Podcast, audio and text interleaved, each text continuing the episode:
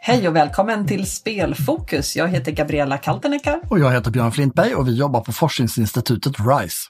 Men du, idag ska vi få prata med, jag har sett fram väldigt mycket mot det här avsnittet, vi ska få prata med en person som sitter och jobbar med det som alla vill ha men som man pratar lite för lite om kanske ibland, men som ändå är liksom kanske en av de viktigaste faktorerna för om ett indiebolag ska kunna lyckas och slå igenom, nämligen cash, pengar, investeringar. Det är ju så att, att spelbranschen är ju lite riggad affärsmässigt på ett sånt sätt att man måste betala ganska mycket pengar först innan man ens har en eh, produkt. Och då krävs det en viss typ av investerare och jag hoppas vi ska få lära oss en massa idag.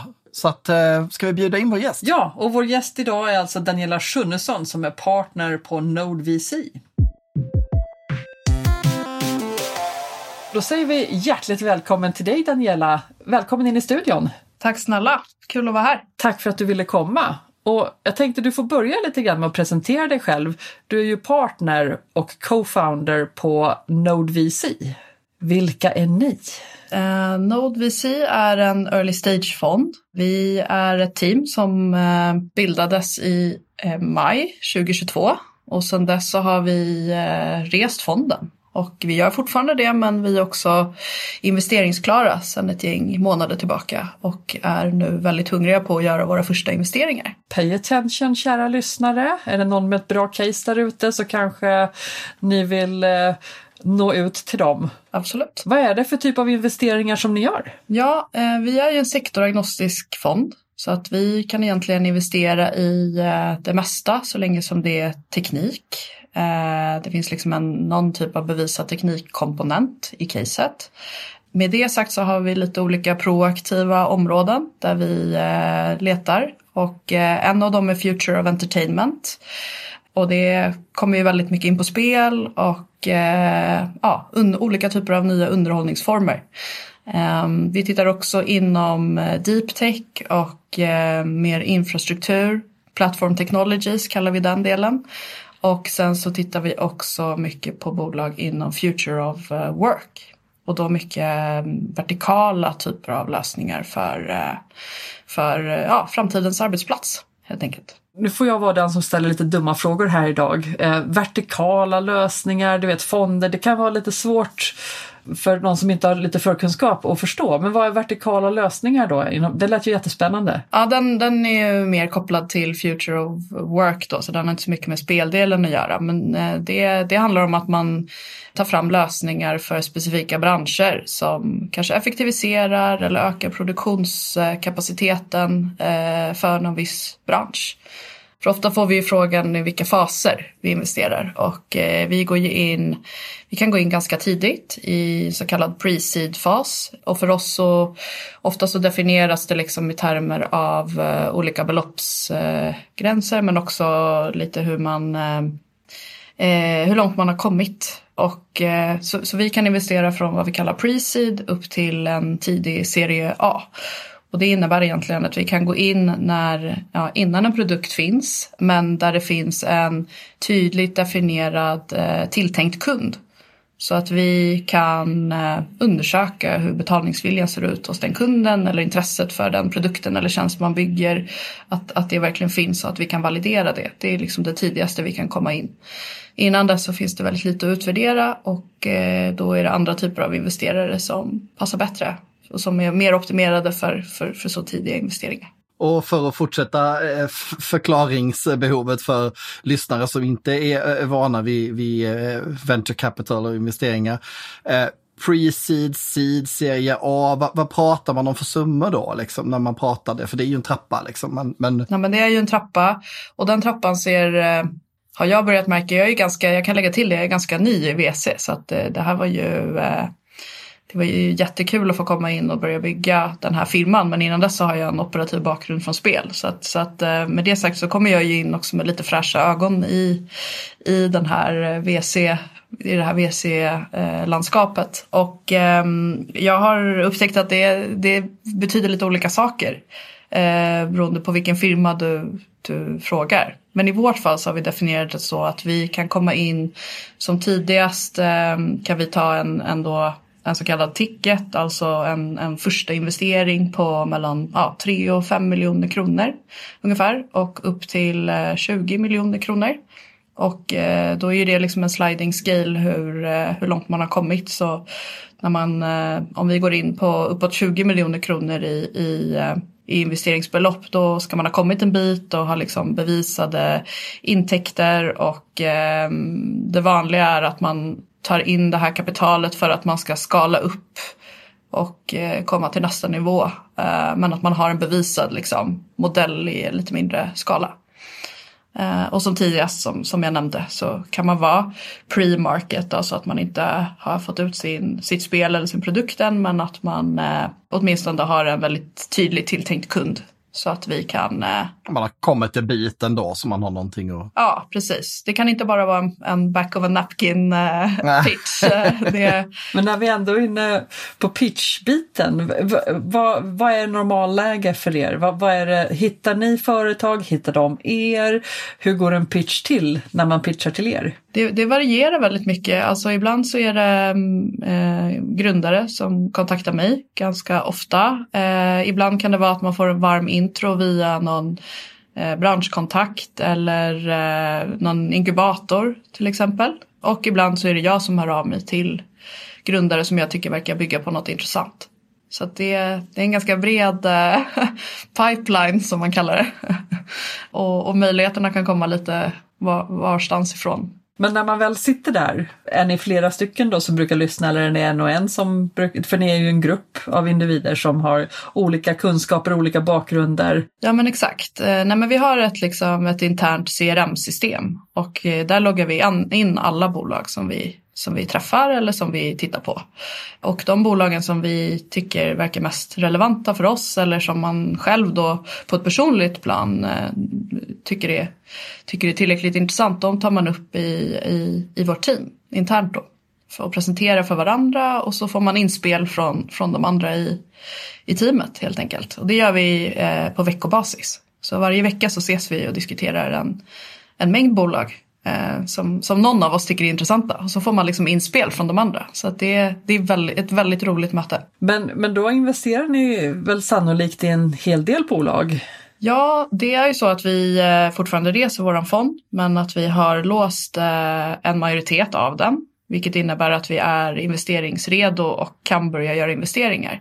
Men vi har ännu inte gjort några investeringar. Så att eh, vi, vi är på gång och vi hoppas på att göra de första här innan årsskiftet. Så vi, vi har ett antal bolag som vi har kommit ganska långt på där vi gör en så kallad djupare analys. Alltså att vi djupdyker lite grann i, i liksom, eh, ja, det material som bolaget har försett oss med. Eh, oftast får man access till ett, ett så kallat datarum där de till exempel lägger upp de kanske tidiga siffror som finns, lite analyser på hur just det segmentet eller den marknaden där de ska vara verksamma, hur, hur, hur, det, hur det ser ut eh, och så vidare. Och då tittar vi på det materialet och eh, vi gör även intervjuer som jag nämnde med tilltänkta kunder eh, eller med existerande kunder om man har kommit så långt att man har rullat ut sin tjänst eller produkt. Och där är vi med ett antal bolag nu, vilket känns jättekul. Ja, men då får vi vänta med spänning här och se om det kommer någon announcement innan årsskiftet. Hur, hur känns det? Det har jag ju alltid undrat liksom. Hur, jag har inte någon erfarenhet av VC, men jag, jag vet att jag var med och, och, var bedömare på Vinnova till exempel, där man satt och bedömde projekt under ett antal år. Eh, och, och där är kriterierna helt annorlunda. Men den här känslan som infann sig när man hittade ett riktigt bra projekt, som att det här kan göra stor nytta och det här verkar väldigt väl uppsatt. Och så, när man har satt den här stämpeln, ja, ja, då var det ju väldigt många som skulle godkänna dem, men, men, det, liksom, ja, men det här tycker jag är bra. Hur är, hur är känslan? Du vet kanske inte du än om du inte jobbat till VC innan, men har du börjat få en uppfattning om hur det känns att, att sitta där ändå med, med en påse pengar som ska förvaltas på ett bra sätt såklart. Men det finns väl ett element som är självklart för VC menar jag, att, att man ska tjäna pengar på den investeringen. Det är ju hela affärsidén. Men det måste ju finnas ett annat element som handlar om att, att kunna vara en hävstång och hjälpa en aktör som man tror på. Hur, hur har du själv liksom resonerat eller hunnit känna kring det? Jag är aktiv i, i lite olika spelbolags styrelser så att jag är styrelseordförande i eh, ett spelbolag som heter Fast Travel Games som säkert många lyssnare känner till och eh, även styrelsemedlem i Avalanche Studios och sen är jag även styrelsemedlem faktiskt i ett eh, franskt bolag som heter Plugin Digital i styrelsen där. Så att jag är ganska aktiv i, eh, på en eh, styrelsenivå, advisory-nivå eh, i att jobba med, med de bolagen. Och eh, eh John Elvesjö som är eh, den personen som har satt ihop våra team som även är eh, grundare till Tobii, eh, ögontrackingbolaget. Ehm, det var hans intention när han satte ihop våra team att det skulle vara ehm, majoriteten av oss skulle vara starka, eh, ha starka operativa bakgrunder. Ehm, antingen som grundare eller att man har kommit in tidigt i, i, eh, i bolag och varit med och, och byggt och ja, varit med på en tillväxtresa helt enkelt. Och det är väl våran tes någonstans att eh, vi vill komma in i bolag där vi tror oss själva kunna göra en skillnad utöver kapitalet som vi går in med. Och då handlar det ju mycket om att jobba nära bolaget, eh, ta styrelseplats, eh, vara den investeraren som man ringer när man kanske sitter i trubbel och liksom behöver ett bollplank. Och det var mycket det som jag gick igång på också när jag tackade ja till att eh, hänga på den här resan. Det är så jag vill jobba och eh, jag eh, tycker att det är väldigt, väldigt roligt också när man får ta den rollen. Så man får egentligen inte bara en investering med pengar utan man får även rådgivning, man får stöd och man får ta del av er erfarenhet från tidigare operativa roller. Ja, precis. Och eh, ja, men förhoppningsvis också att man kan få hjälp med att resa pengar i nästa runda. Alltså att vi, vi eh, som investerare, det är, viktigt, det är en viktig tjänst liksom som, som vi behöver kunna leverera till våra portföljbolag, att vi har relevanta investerarkontakter att vi har relevanta mm, kontakter på andra områden som våra portföljbolag kan tänkas behöva eller kunna dra nytta av. Eh, så det jobbar vi väldigt mycket med. att eh, Vi pratar med många andra investerare. Vi pratar med investerare som kommer in senare än oss för att vi behöver bygga relation för att sen kunna eh, hjälpa till och pitcha in våra bolag som, som vi har gått in i i ett tidigare skede till, till de som ska komma in efter oss. Eh, så det är ja, lite olika delar som, som man vill kunna hjälpa till med. Men och det, där är du inne på någonting som är spännande. Andra investerare, eh, när nästa runda kommer, va, va, vid vilket tillfälle kliver ni av då enligt tang, eh, planen? Kan, finns det liksom potential att stanna hur länge som helst eller har man liksom en tidsram som man försöker förhålla sig till? Eh, längden på fonden är tio år egentligen. Det är ganska standardiserat i VC att eh, oftast så har man en tioårshorisont. Så från att eh, man stänger fonden, alltså har tagit in allt kapital till att eh, fonden likvideras eller man, liksom, man ska börja ge tillbaka till våra investerare. Eh, då brukar den perioden vara ungefär tio år. De första fyra åren i vårt fall eh, kan vi göra nyinvesteringar och eh, resterande år så är tanken att vi ska liksom jobba med våra portföljer och jobba med våra bolag då i portföljen och, eh, och se till att eh, det blir så bra som möjligt och att eh, det är ju win-win för grundarna vill ju såklart växa sina bolag och värdena på sina bolag och det vill ju vi också.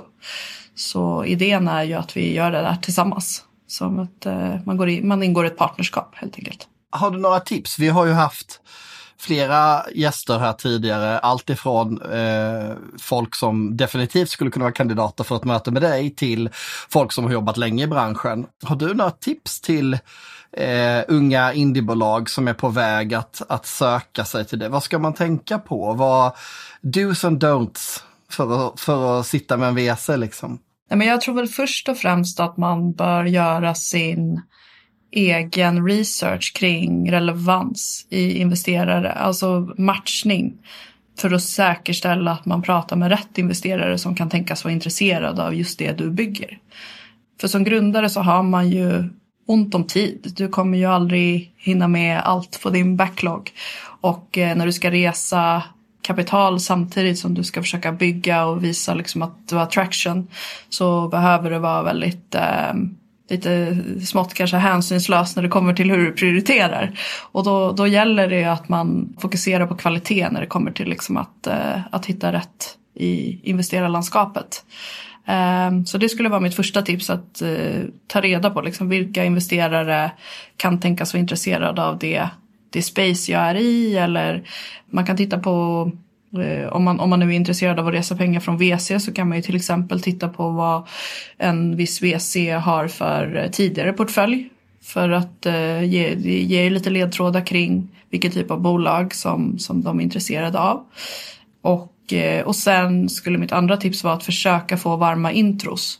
Alltså så att man använder sig av de branschkontakter man har. Eh, individer som kanske har starka nätverk och som kan göra intros. Eller att man vänder sig till en inkubator. De har ofta investerarrelationer. Eh, men det, det hjälper otroligt för att som VC så, så får man så otroligt många individer som hör av sig direkt till en via LinkedIn eller mail eller vad det kan vara. Och eh, om det då eh, är någon som man, som man vet vem det är så blir det liksom så att eh, det mejlet öppnar man och tittar på och, och då är man ett steg närmare att liksom få kontakt. Det är ju, det, jag tänkte, det är inte jättestor skillnad från när man söker jobb eller till lite mer avancerade positioner, att nätverket blir väldigt viktigt. Liksom. Ja, precis, precis. Eh, jag har ju haft och drivit bolag och varit entreprenör innan jag kom till RISE eh, och varit och rest pengar i olika kontexter.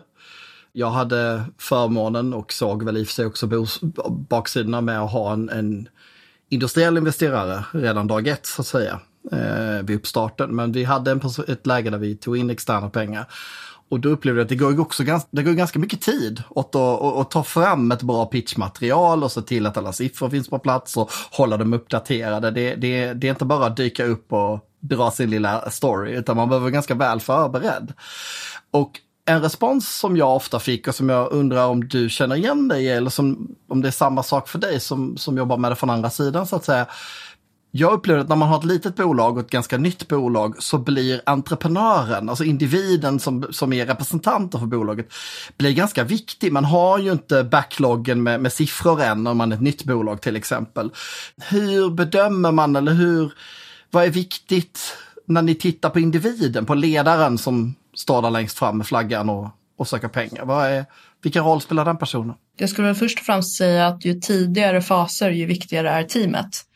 Eh, för som till din poäng så det finns allt mindre att ta ställning till. Det finns inga siffror eller väldigt få siffror att, utvärdera eller analysera. Och det gör ju att man, man siktar in sig mer på teamet och teamets bakgrunder och, eh, och då handlar det ju väldigt mycket om att man har en relevans i sin eh, bakgrund och erfarenhet som kommer till gagn för det man bygger i det här kapitlet.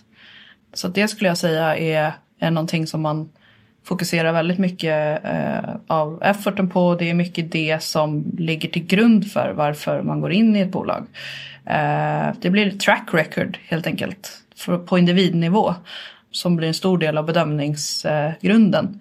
Sen är det ju alltid en fördel om man har jobbat tillsammans som, som team tidigare eller att eh, i alla fall några individer har att man inte kommer, man kommer inte ihop som team för första gången utan man har, eh, man har helt enkelt eh, stött på varandra tidigare och liksom jobbat med varandra. Eh, så det, eh, det skulle jag säga är de, de sakerna som man tittar på. Vilka är de vanligaste misstagen man gör när man pitchar? Ett ganska vanligt misstag är att man använder hela mötestiden till, att, eh, till pitcha. Alltså så att man inte lämnar utrymme för frågor eller funderingar.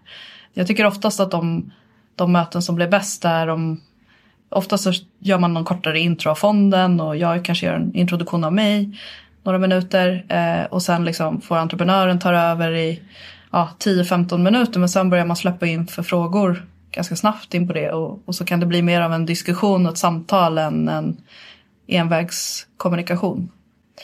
För då kan entreprenören också, om man är lite inlyssnande gentemot vad det är investeraren vill borra ner sig så, så kommer investeraren få mycket mer information ut av mötet och då enklare kunna ta ställning till om om det här är relevant eller inte. Plus att man visar på att man har förmågan att kunna lyssna in, eh, vilket också är en, en styrka i många lägen. Och, och, du som har en lång erfarenhet, du har jobbat, eh, du vet, jag sitter och kollar på din lista här som vi har researchat lite innan. Du har jobbat på Paradox, på Avalanche fortfarande, Fast Travel Games och så vidare, så du har en väldigt gedigen bakgrund inom spelbranschen. Eh, och jag antar att du vurmar lite extra kanske för spelbolag just nu i din nuvarande roll. Men eh, har du några insikter runt hur spelbolag i indiestadiet sätts samman? Finns det liksom vissa skills man är vanligtvis bättre på? Har man ett affärssinne? Vet man om när man kommer in i möte med dig? Liksom, har man gjort sin research? Är det vanligt att man vet om hur VC-investeringar fungerar? Bra fråga. Jag tror att det beror lite på vad man, har för, vad man kommer ifrån för bakgrund och också vad man har för personlighet för den delen. Och där skulle jag väl säga att det kan te sig olika och det kanske är okej eh, också. För att man har ju liksom, ja, men, vissa kommer ju in färska från eh, kanske något större spelbolag och så har man slutat och startat upp sitt, eh, sitt nästa liksom, eh, sitt egna eh, startup och ska bygga något spel. Vad jag jagar lite efter är väl liksom vilka skills är det bra? Vi, vi, man, vi pratar ofta med, med eh, indie-studios eller med eh, individer som pluggar spelutveckling. Eh, och det är mycket fokus på att man ska kunna liksom, affärsmannaskapet runt att bygga bolag, ledarskap, bygga team. Eh, liksom, har du någon insikt liksom, i de frågorna? De som kommer till er, är de liksom vanligtvis redo för att ta det steget eller är de kanske lite rookie ibland? Nej, men jag tror väl att eh, de bolagen som snabbt väcker intresse, det är ju oftast där det finns, man märker att det finns viss erfarenhet av att ha drivit bolag tidigare eh, och att man lite vet vad det innebär, vad man ger sig in på. Och framförallt om man kommer till VC, för det ska man ju komma ihåg att VC-resan är ju inte en resa för alla. Vi har ju ett ansvar gentemot våra investerare att vi ska returnera kapital och vi bygger en portfölj på, i vårt fall då, 20, ungefär 25 bolag. Det måste vara några av dem som går riktigt, riktigt bra för att man ska kunna returnera fonden och ge en bra return till investerarna. Och, eh, och då kräver det att, eh, att varje bolag som vi går in i har en ganska hög riskprofil men man har också en, en väldigt stor uppsida ifall det går bra. Men den där uppsidan om det går riktigt bra, det är ju en jäkla resa. Det är, liksom, det är intensivt, hårt arbete eh, som behöver gå in för att, för att få det att hända. Och eh, nu säger jag att VC-resan är i, i vårt fall då tio år men det, det tar ju tid också att bygga eh, bolag så att man behöver kämpa hårt innan man börjar se traction. Det är ganska vanligt och sen när man väl, eh, man väl börjar skala upp och, och om man kommer dit och lyckas med det så, så är det också en resa liksom. Och, eh, då går man igenom olika cykler i, i det bolaget och kommer eh, behöva, sannolikt kommer man behöva omorganisera ett flertal gånger längs med resan för att behoven förändras allt eftersom bolaget växer. Eh, man kanske breddar sin pipeline. I ett fall eh, av ett spelbolag så, så kanske man går från att man gör ett spel till att man jobbar på fem spel. Då är det en helt annan organisation och ett annat typ av ledarskap som krävs för att, för att, för att få det att fungera. Så att jag tror att eh, man måste vara medveten om det där, liksom, att det, det, det är hårt arbete. Samtidigt så tror jag att man måste vara lite naiv som entreprenör för att annars skulle man aldrig ge sig in i det. Man måste vara okunnig nog att inte förstå faran. lite rädsla för vad är det jag ger mig in på men samtidigt liksom någon sorts naivitet kring att nej men vad fasen, jag kommer lyckas med det här. Jag, eh, jag ger mig fasen på det, kanske lite så här vinnarskalle också men man vill gärna se någon sån individ liksom på teamet, på, på grundarteamet. Jag som växte upp i entreprenörsfamilj, du vet jag säger alltid det, jag har drivit företag i många år eh, och har eget företag på sidan av, alltid liksom. Men, men det är en livsstil. Det, det, är inte ja. liksom ett yrkesval utan det är mer en livsstil. Du måste köpa in att det här är ditt liv. Det är inte 8 till 5 jobbet utan det är, det är ett, ett val Ja. Eh, att ta, ta sig an mer och det gör man ju vanligtvis bara om man brinner verkligen intensivt för någon specifik fråga eller produkt som man vill göra, som spelutvecklare gör vanligtvis. Samtidigt så tror jag att det är viktigt att man också karvar ut tid för återhämtning. Alltså även fast man är en jättedriven entreprenör och eh, man, man jobbar otroligt mycket och hårt eh, så tror jag att i längden så behöver du också karva ut tid för, för att liksom ta igen dig och få lite fritid. För det det, du håller inte i längden annars tror jag. Det är intressant det du säger också för att det är ju faktiskt, och nu, nu hamnar vi lite in i forskningsfältet, men det är ju faktiskt lite det som definierar en entreprenör och som skiljer en entreprenör från en manager. Att, att en manager kan bara jobba med risk. Man kan bedöma en risk, att den är så här stor eller så här liten och konsekvensen av den risken och så vidare. Medan en entreprenör jobbar med uncertainty, som är forskningstermen då. Alltså att de risker som du inte ens kanske känner till, eller de risker som inte går att beräkna, men ändå kastar sig ut och ändå tar det här steget. Och det är liksom någon slags eh, egenskap som man behöver ha för att kunna vara entreprenör. Liksom. Men, det, men det, det är intressant det ni säger för att jag tror att receptet är att du är, eh, du är våghalsig men du är också eh, jäkligt envis. Det räcker inte med den ena eller den andra liksom, så att säga. Utan eh, du behöver ha båda för att annars så kommer du inte hålla ut liksom, när du börjar inse, när du börjar stöta på det här motståndet som kommer komma. Eh, då, då måste du ha den där vinnarskallen eller liksom personligheten att eh, driva vidare. Och det har vi ju varit inne på förr podden, Gabriella. just den här mixen som kanske dataspelsbranschen ändå kommer med, att det också är en kreativ näring. Du behöver vara kreativ och liksom ha det mindsetet nog för att kunna göra en bra produkt. Men du behöver samtidigt ha det som du behöver i alla branscher, affärsmannaskapet så att säga. Att, att kunna tänka hur ska vi tjäna pengar på det här, vilken är målgruppen, hur ska leveranserna ske, hur ska marknadsföringen se ut. Så det är, det är två olika komponenter och de, det är inte alltid de är samlade i samma individ, men de kan ju mycket väl finnas i ett team. Ja, men eh, en annan sak som spelbranschen har, apropå det här ämnet och att vi har dig här idag i studion Daniela, det är ju den här eh, absoluta Eh, för produkten tar lång tid att utveckla. Det är inte så att du liksom kan offra en månad av ditt liv, eh, kanske stoppa undan lite pengar eller spara till att göra ett spel, utan det, tar, det kan ta flera år att göra ett, ett spel. Medan andra branscher kanske inte är lika vanligt att man söker en investering just för att starta upp, utan man kanske har sparat undan i några år eller gör det lite på sidan av tills det flyter av sig själv. Och här, inom spelvärlden så är det ju skulle jag säga jätteovanligt att man inte behöver ha en investering. Jag kan inte ens komma på ett enda exempel nu när vi sitter här i, i studion och pratar. Utan du måste nästan börja med det affärsmannaskapet. Du måste börja med att förstå hur branschen ser ut. Och de som vi pratar med, som jag har träffat inom min resebranschen, är ju oftast väldigt väl medvetna om vilka strukturer som finns, vilka spelare som finns och hur man måste bete sig. Och eh, till och med till den graden att man nästan pratar om ah, att varenda samtal man har blir någon form av pitch för att du håller hela tiden på att sälja in din spelidé för en eventuell investerare eller någon som kan värma upp dig för en investerare eller värma upp en investerare för dig. Verkligen, och det behöver inte vara, eh, det, menar, det finns ju olika slags investerare också i, i branschen. Du har ju VC som våren som går in i, i liksom i själva bolaget men sen kan du också söka projektfinansiering och det är ju en annan typ av finansiering av ditt bolag indirekt men, eh, men där ger du ju inte bort någon equity eller någon, några andelar i bolaget utan då blir det ju att du istället ger bort eh, framtida intäkter från, från det specifika spelet som du kanske... Men nu är du inne på en annan intressant sak, just equity. När ni investerar då, hur mycket equity är det vanligt att man köper eller tar? Alltså det där varierar ju också men i, i vårt fall så ser vi gärna att vi kommer in på i alla fall 10 procents eh, ägarandel eh, när vi kliver in. Och det är ju som, som jag nämnde så, så vi satsar på att investera i ungefär 25 bolag. Vi är eh, sex partners i, i vårt team. Ehm, och då kommer det bli så att vi har ett antal bolag var som vi så att säga tar hand om. Och eh, då behöver man komma upp i liksom tillräcklig ägarandel för att det ska vara värt också den tiden som vi, som vi lägger. Så det är inte bara kapitalet utan också alternativkostnaden av, av vår tid på, på teamet. Så därför så, så um, sätter man en liksom Ja, man behöver komma upp en liten bit liksom. Så det räcker inte med bara några få procent. Men det, det går sällan upp till 100 procent? Uh, det går aldrig upp till 100 procent. Utan vi, vi är väldigt uh, vi är väldigt eh, positivt inställda till att göra så kallade co-investments också. Alltså att man kliver in i en runda tillsammans med andra investerare.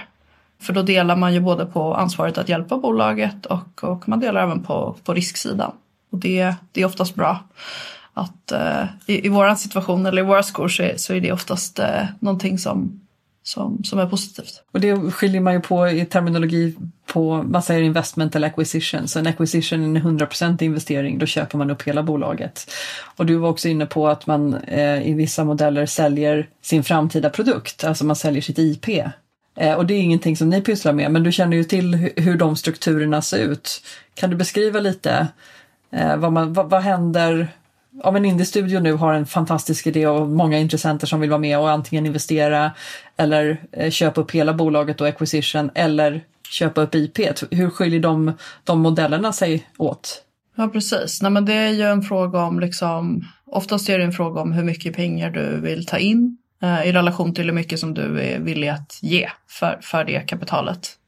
Och eh, det, det, är ju en, alltså i Indiespacer till exempel så är det ju oftast så att eh, eller ofta, eh, så att man tar in en så kallad förläggare som eh, står för eh, marknadsföring, eh, ja, omkringkostnader eh, för att få ditt spel till marknad eh, och eventuellt delar av produktionskostnaden.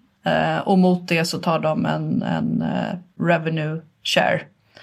Så att de tar en, en del av de framtida intäkterna då. På just det spelet? På just det spelet och ofta så, så recoupar man också sin investering. Alltså det är förlaget som signar. Eh, om man är en indie-studio så, och så tar man in en förläggare som, som bekostar marknadsföringen och en andel av eh, säg, produktionskostnaden av spelet. Då eh, när man sen börjar sälja spelet så kommer eh, förlaget att eh, recoupa sin investering mot intäkter. Så att de får först tillbaka sina pengar som de har investerat. Eller så gör man en split så att de får tillbaka en del av det som de har investerat och eh, studion får tillbaka en del av det som de har investerat eh, eftersom de också har stått för en del av utvecklingskostnaden. Och sen börjar en förhandlad revenue split kicka in efter det, efter att alla fått tillbaka sin investering. Och sen den andra varianten är ju om du eh, ger bort både IP och spel. Eh, men då börjar ju det närma sig work for hire snarare, det vill säga att det blir uppdragsbaserat eh, eh, eh, och du får betalt för den tid som du lägger in men det är någon annan som äger tillgångarna. Och sen kan du istället få en royalty då på, som utvecklare så kan du istället få en royalty på, på intäkterna. Ja just det, precis som i musikbranschen. Ja, precis, precis. Så att, eh, jag tror egentligen så är det så här, det är väl klassisk förlagsverksamhet som det fungerar i, i andra branscher också. Jag tänker mig för en indie-studio, för de som pluggar spelutveckling och tänker att äh, men jag har min egen spelidé, jag vill köra mitt eget bolag det är, det är ju en hel del som går in i att bara starta ett bolag, eh, även om det inte är spelbranschen. Men det är mycket nya begrepp, det är mycket infrastruktur som man ska lära känna. Det är väldigt lång tid innan man liksom kommer till go-to-market-delen. Och när man kommer till det, det är ju en helt egen princip runt du vet, hur marknadsför man spel? Och där, där är det ju väldigt snäva strukturer just när det gäller digitala produkter på dataspelsidan idag. Du har Steam, du, har, du måste nästan ha stora upphandlade avtal som ju förläggare vanligtvis har. Ehm, men du vet, den här, den här entreprenören, den stackars entreprenören som någonstans också då vill driva bolag, finns det, finns det kvar utrymme för en sån? Som vill vara bra ledarskap, som tycker om att liksom bygga affären och bygga, bygga teamet. Ja men det tror jag. Det gäller ju eh, bara att man har, som vi pratade om tidigare, sam rätt sammansättning i teamet, eh, att man har en tillräckligt bra innovativ idé.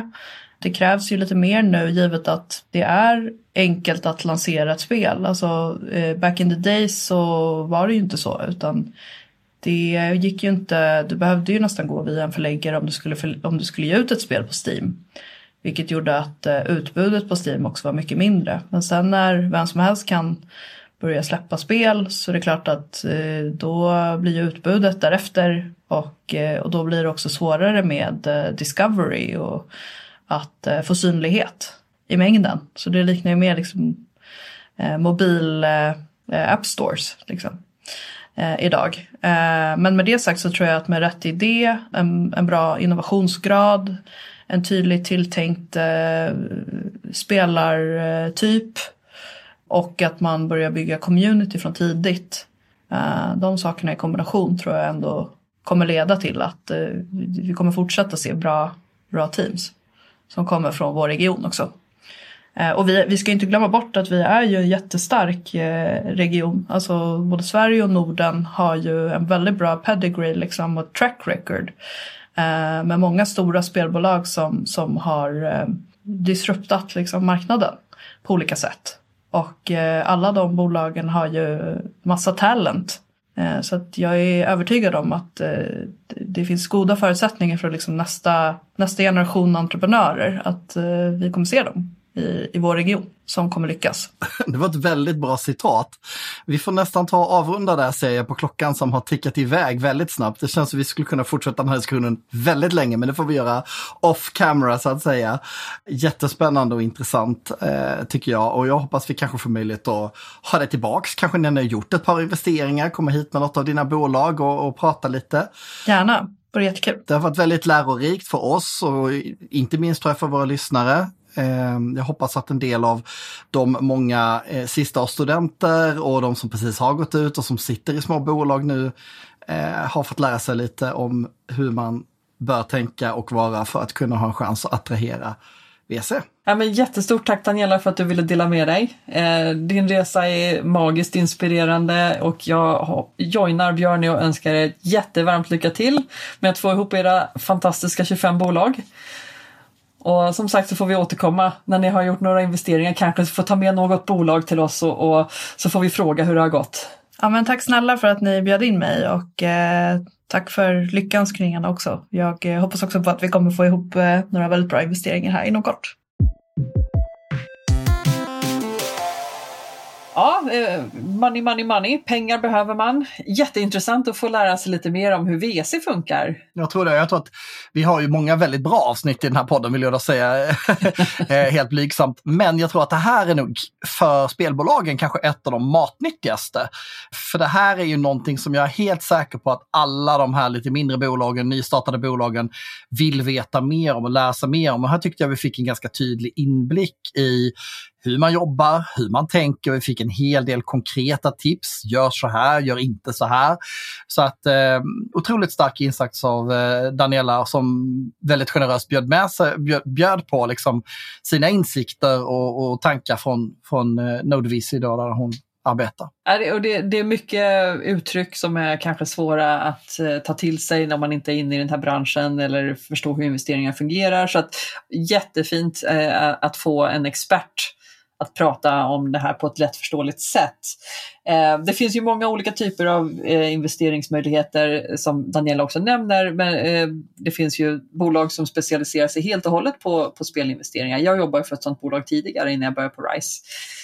Så att eh, jag tror att det är, det, eller det, det är en fråga som jag ofta får från eh, sådana som är på väg in i branschen. Både sådana som studerar och på väg in i branschen där man kanske då ofta har förmånen av att ha hjälp av eh, en inkubator eller eh, liksom en science park eh, som, som hjälper en med hur man pitchar, vart, vilka vägar man ska gå. Men det finns ju också människor eh, av lite mer mogen ålder, eh, sådana som du och jag, Björn, eh, som kanske funderar att sadla om och ge sig in i spelbranschen och då kanske man inte har den här naturliga tillgången till den här typen av information. Eh, så eh, är det så att eh, du, kära lyssnare, känner dig till en sån kategori så finns det avsnitt att lyssna på podcast. Det finns vägar att gå.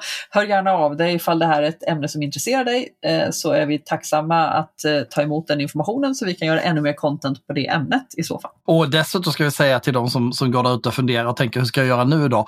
Så kan man ju också börja titta lite grann på, på var finns mitt närmsta spelkluster? För där finns det ju faktiskt på alla, alla de här svenska spelklustren runt om i landet från, från Boden i norr som väl är nordligaste ner till Game Habitat i, i söder Malmö där finns det ju väldigt kunnig personal som gärna hjälper till och som kan guida, som kan tipsa och som kan liksom stötta på olika sätt.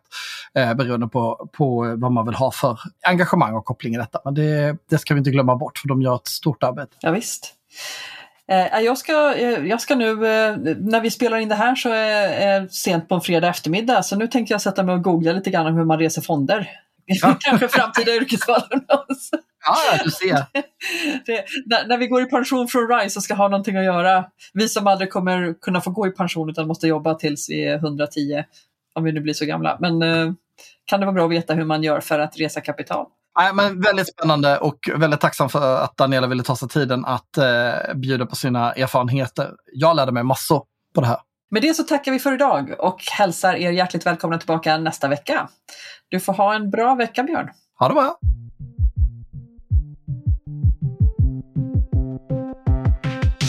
Och idag ska vi prata om investeringar, komplexa ekonomiska money, money, strukturer. Money. Precis, vi, egentligen borde vi ha den här ABBA-låten.